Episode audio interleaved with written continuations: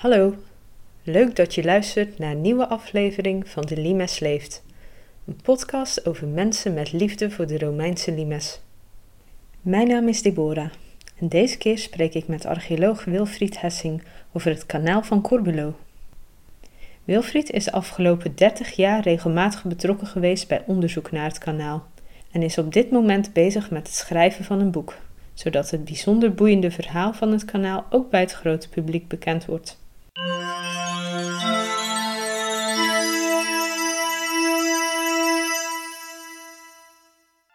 Ik ben Wilfried Hessing. Ik ben uh, archeoloog en historicus van achtergrond en opleiding.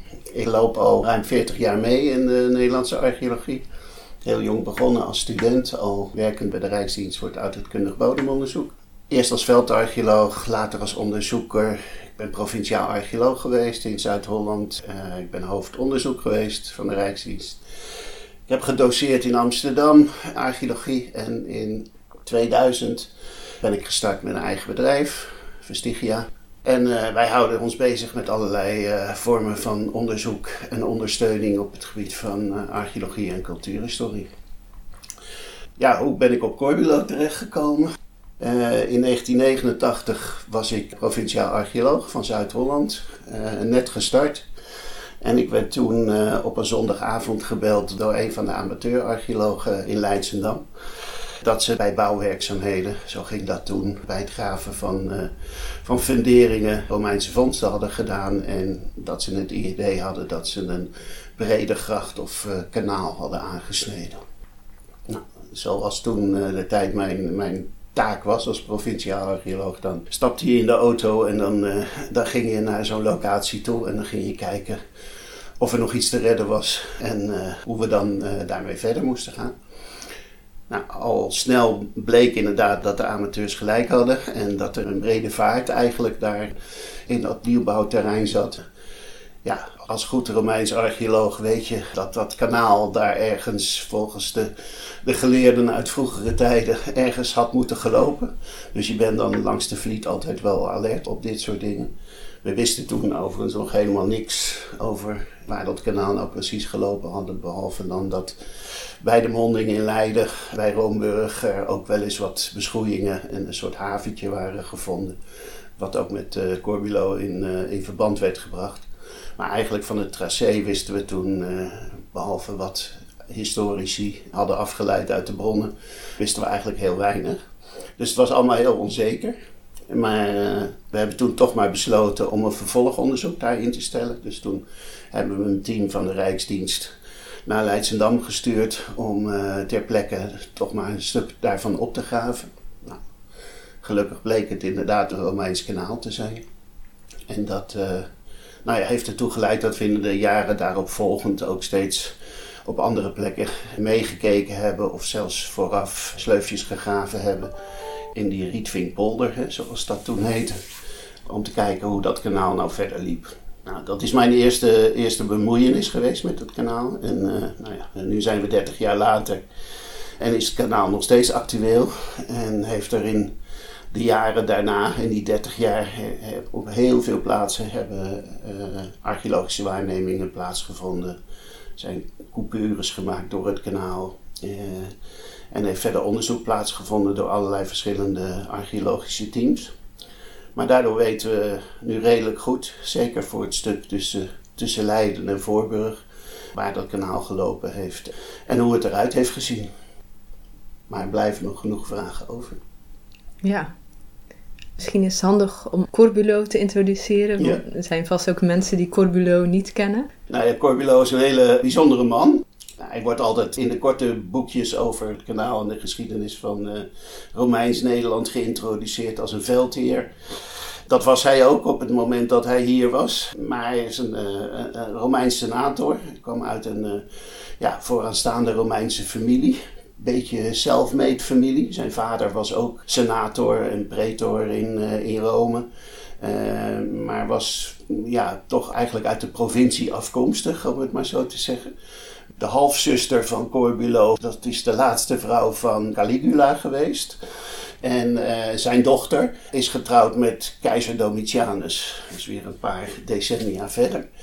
Maar hij zat dus erg dicht tegen die keizerlijke kring aan te schurken. Dat heeft natuurlijk ook zijn carrière geen windeieren gelegd. In 1945, 46 is hij gouverneur geworden van Neder-Germanië. Dus dat betekende eigenlijk dat hij de plaatsvervanger van de keizer was in, in deze provincie. Toen was het nog geen echte Romeinse provincie. Hij commandeerde in ieder geval de legioenen die hier aan de Rijngrens uh, actief waren. Er zaten een aantal legioenen onder zijn commando. Nou, dat gaf ook uh, de status ook weer die hij had. En hij was hier toen in de jaren 40 om een aantal veldtochten te voeren tegen noordelijke stammen, Friese, Gauken, die hier het grensgebied, voor zover het grensgebied was, want het was eigenlijk nog een expansiegebied waar de Romeinen mee bezig waren, nog steeds bezig eigenlijk om Germanië te veroveren. Uh, en heeft hij hier uh, geprobeerd orde op zaken te stellen. Dat was in de, in de tijd dat uh, keizer Claudius ook bezig was met zijn invasie van Engeland. In 1943 is hij Engeland binnengevallen. Tegen die achtergrond speelden ook die campagnes van Corbulo tussen 47 en 50 in ons gebied. Hij moest dus een beetje zorgen dat uh, de aanvoerlijnen uh, naar Engeland ook goed georganiseerd waren. Want dat moest toch vooral uit het Rijngebied en uit Noord-Frankrijk komen. Dus de Romeinen hadden strategisch belang bij dat dat goed was georganiseerd uiteindelijk is het besluit gevallen na een aantal campagnes van, van Corbulo uh, dat hij zich moest terugtrekken achter de Rijngrens en dat hij die grens moest stabiliseren. Dus hij gaat de kanaal graven en dan heeft Tacitus daar een cryptische verklaring voor van, om de gevaren van de zee te vermijden. Ja, uh, daar hebben veel historici zich over gebogen. Wat bedoelt Tacitus nou precies? Het kan zijn dat hij dus bedoelt een veilige vaarroute te creëren, zodat de Romeinse schepen zonder hinder van piraten uit het noorden over de Noordzee kunnen varen. Het kan ook betekenen dat de Noordzee met zijn stormen en zijn golfslag uh, onveilig was voor Romeinse scheepvaart. En om die reden een, binnen, een binnenlandse route te prefereren was.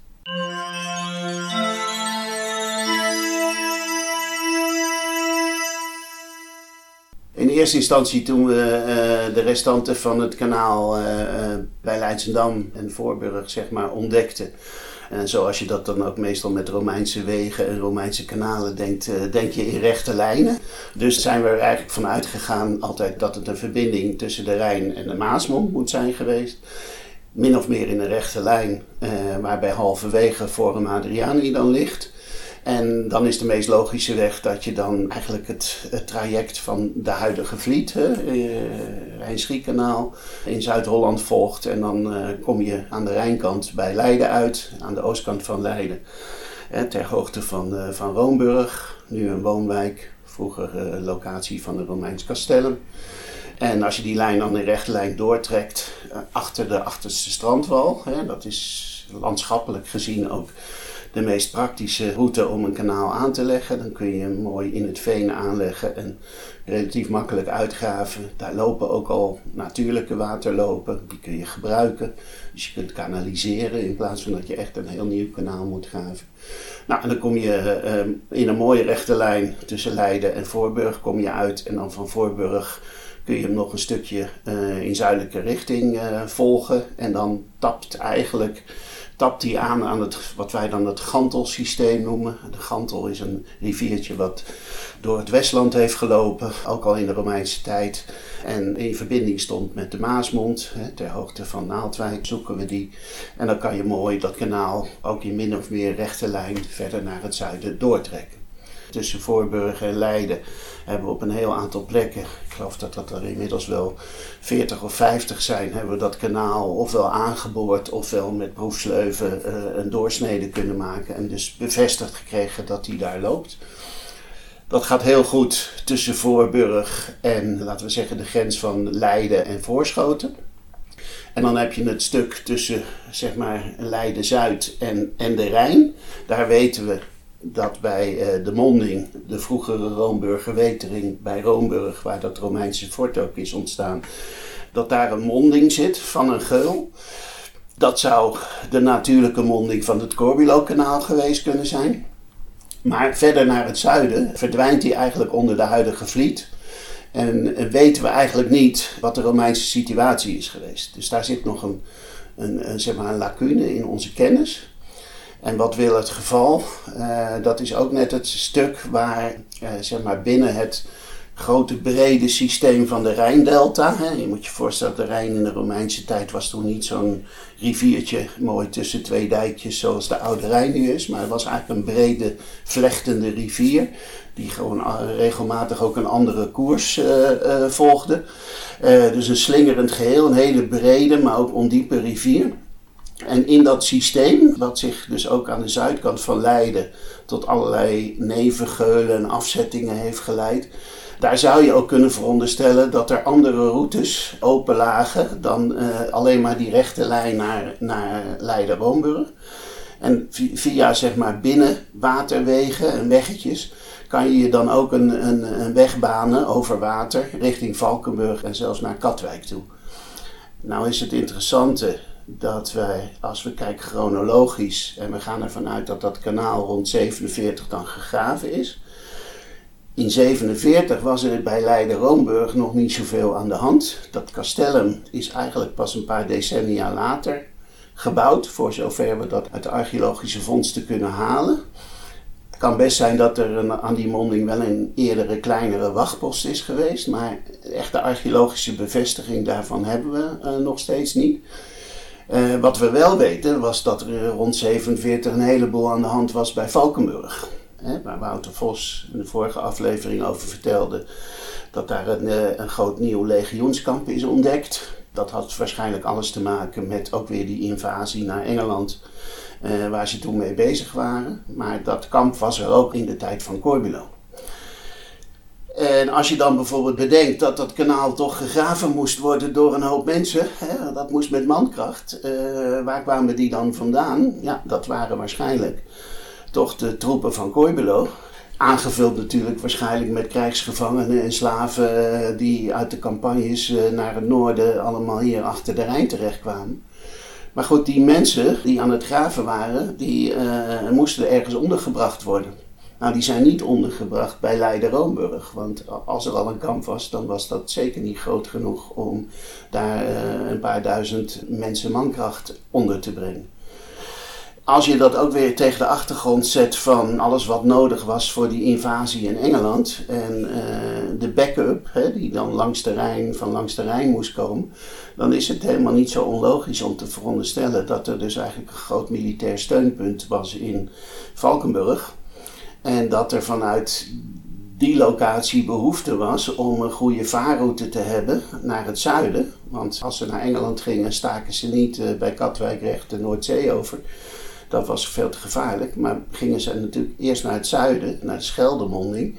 Dus vanaf de Belgische kust maakten ze de korte oversteek naar Zuid-Engeland. Daar zaten ook de troepen uh, in die tijd van de Romeinen. Dus die vaarroute langs de kust naar de Scheldemonding en verder naar het zuiden, naar het nou van Calais, die was, dat was wat voor de Romeinen strategisch van het grootste belang was. En je kan je dus weer doordenkend heel goed voorstellen dat die troepen aan de monding van de Rijn behoefte hadden aan zo'n veilige vaarroute in zuidelijke richting. En in die context is het dus dan vervolgens helemaal niet zo gek om te veronderstellen dat ze probeerden vanuit Valkenburg een doorgaande route te maken. Uh, eerst richting de Maasmonding en vervolgens kan je ook, zeker in de Romeinse tijd, kon je binnendoor uh, langs Goeree. Uh, daar zaten ook allerlei binnenduinse geulen. Kon je ook naar zeg maar, wat nu de Oosterschelde is, Domburg, Kolijnsplaat en vervolgens langs de kust van België. En het idee, wat nu steeds meer onder archeologen naar voren komt, is dat je dus niet alleen maar te maken hebt met een kanaaltje tussen, uh, laten we zeggen, Naaldwijk en, en, en, Leiden. Want als zoiets op zichzelf staand heeft niet zoveel toegevoegde waarde. Maar eigenlijk het openhouden van een binnenlandse vaarroute helemaal richting de Scheldemond. En vervolgens is het maar een klein stukje langs de kust eh, naar Engeland. En dat was het strategisch belang. Dat is mogelijk wat Coibilo gezien heeft en wat hij heeft geprobeerd te creëren. En in eerste instantie kan het dan een route zijn geweest die van Valkenburg binnendoor en dan ergens naar de achterste strandwal op de grens van Leiden en Voorschoten en dan verder naar het zuiden. En in tweede instantie, toen de Limes zich gevormd had als een verdedigingslinie en ook bij Leiden-Roomburg een fort moest komen, uh, hebben ze gedacht, nou, dan kunnen we die doorsteek misschien wel recht trekken. Toen was misschien ook die uh, directe route vanuit Valkenburg wat minder belangrijk. want Valkenburg zelf was toen maar een gewoon Limesfort geworden. En hebben ze de kortste weg gekozen en hebben ze de doorgraving naar Leiden gemaakt. Dus dan heb je met twee fases te maken in dat, in dat noordelijke mondingsgebied. Dus dat, dat is de theorie waar we nu uh, steeds meer aan zitten te denken en waar we ook ons met toekomstig onderzoek uh, op willen richten.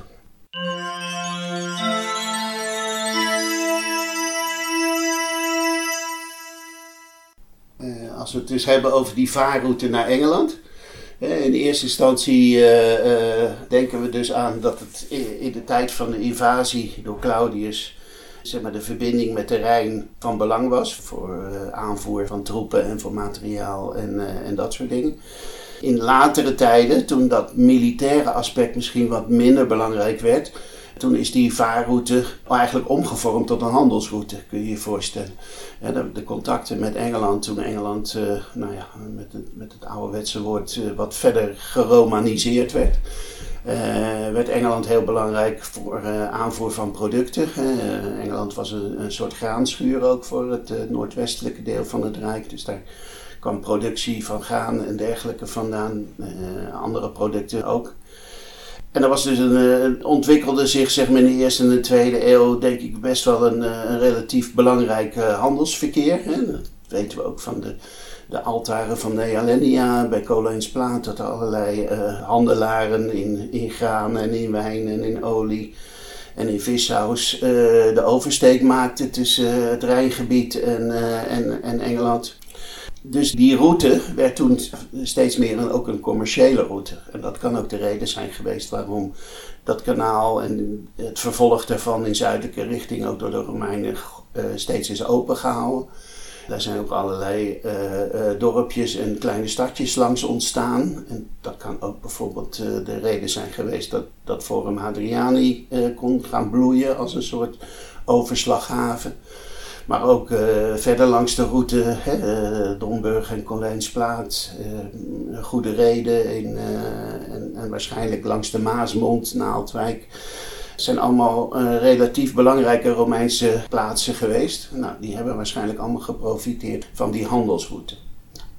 We weten nu ook uit de dateringen van het kanaal hè, dat dat kanaal ook veel langer in gebruik is geweest dan we eerst vermoeden. Het eerste idee was, nou ja, dat kanaal is door Corbulo gegraven en dat heeft een paar jaar gefunctioneerd. Maar ja, dat, zo'n ding slipt gelijk dicht en, uh, door dat uh, getijdenwerking en alles uh, wat er aan de hand is. Dus dat kan nooit lang gefunctioneerd hebben. Dat leek ook uit de eerste onderzoeken naar voren te komen. Maar langzamerhand uh, hebben we steeds meer uh, informatie gekregen, ook steeds betrouwbare dateringen. En het is nu vrijwel zeker dat dat kanaal tot, tot echt tot diep in de tweede eeuw gewoon nog als kanaal gefunctioneerd heeft. Dus het was gewoon een, een goede, veilige route. En uh, dat zie je ook bijvoorbeeld aan de haventjes in uh, Forum Hadriani. Hè? Ook die, die insteekhavens die daar een uh, aantal jaren geleden zijn ontdekt. Die duiden ook op dat echt tot aan het einde van de tweede eeuw, mogelijk tot zelfs de helft van de, van de derde eeuw, dat die haventjes functioneerden en dat er dus ook gewoon water stond en dat er dus waarschijnlijk ook een verbinding nog steeds was tot aan de Rijn naar het zuiden toe. Dus dat is ook wel leuk om, om dan te zien dat het niet een incident is geweest, hè, dat kanaal. En of Corbulo dat nou allemaal voorzien had, dat is, dan, dat is dan natuurlijk de hamvraag, maar dat zullen we niet weten.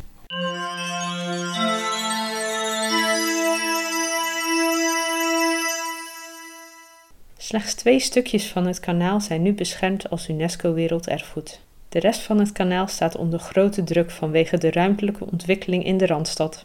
Wilfried hoopt met zijn boek de mensen bewust te maken van het historisch belang van dit werelderfgoed. Hij roept provincie en gemeentes op om goed na te denken over de toekomst van het kanaal, voordat er te veel is verdwenen. Lees hier meer over in de blog bij deze aflevering. De komende tijd ga ik op zoek naar nog meer enthousiaste verhalen over de Romeinse limes.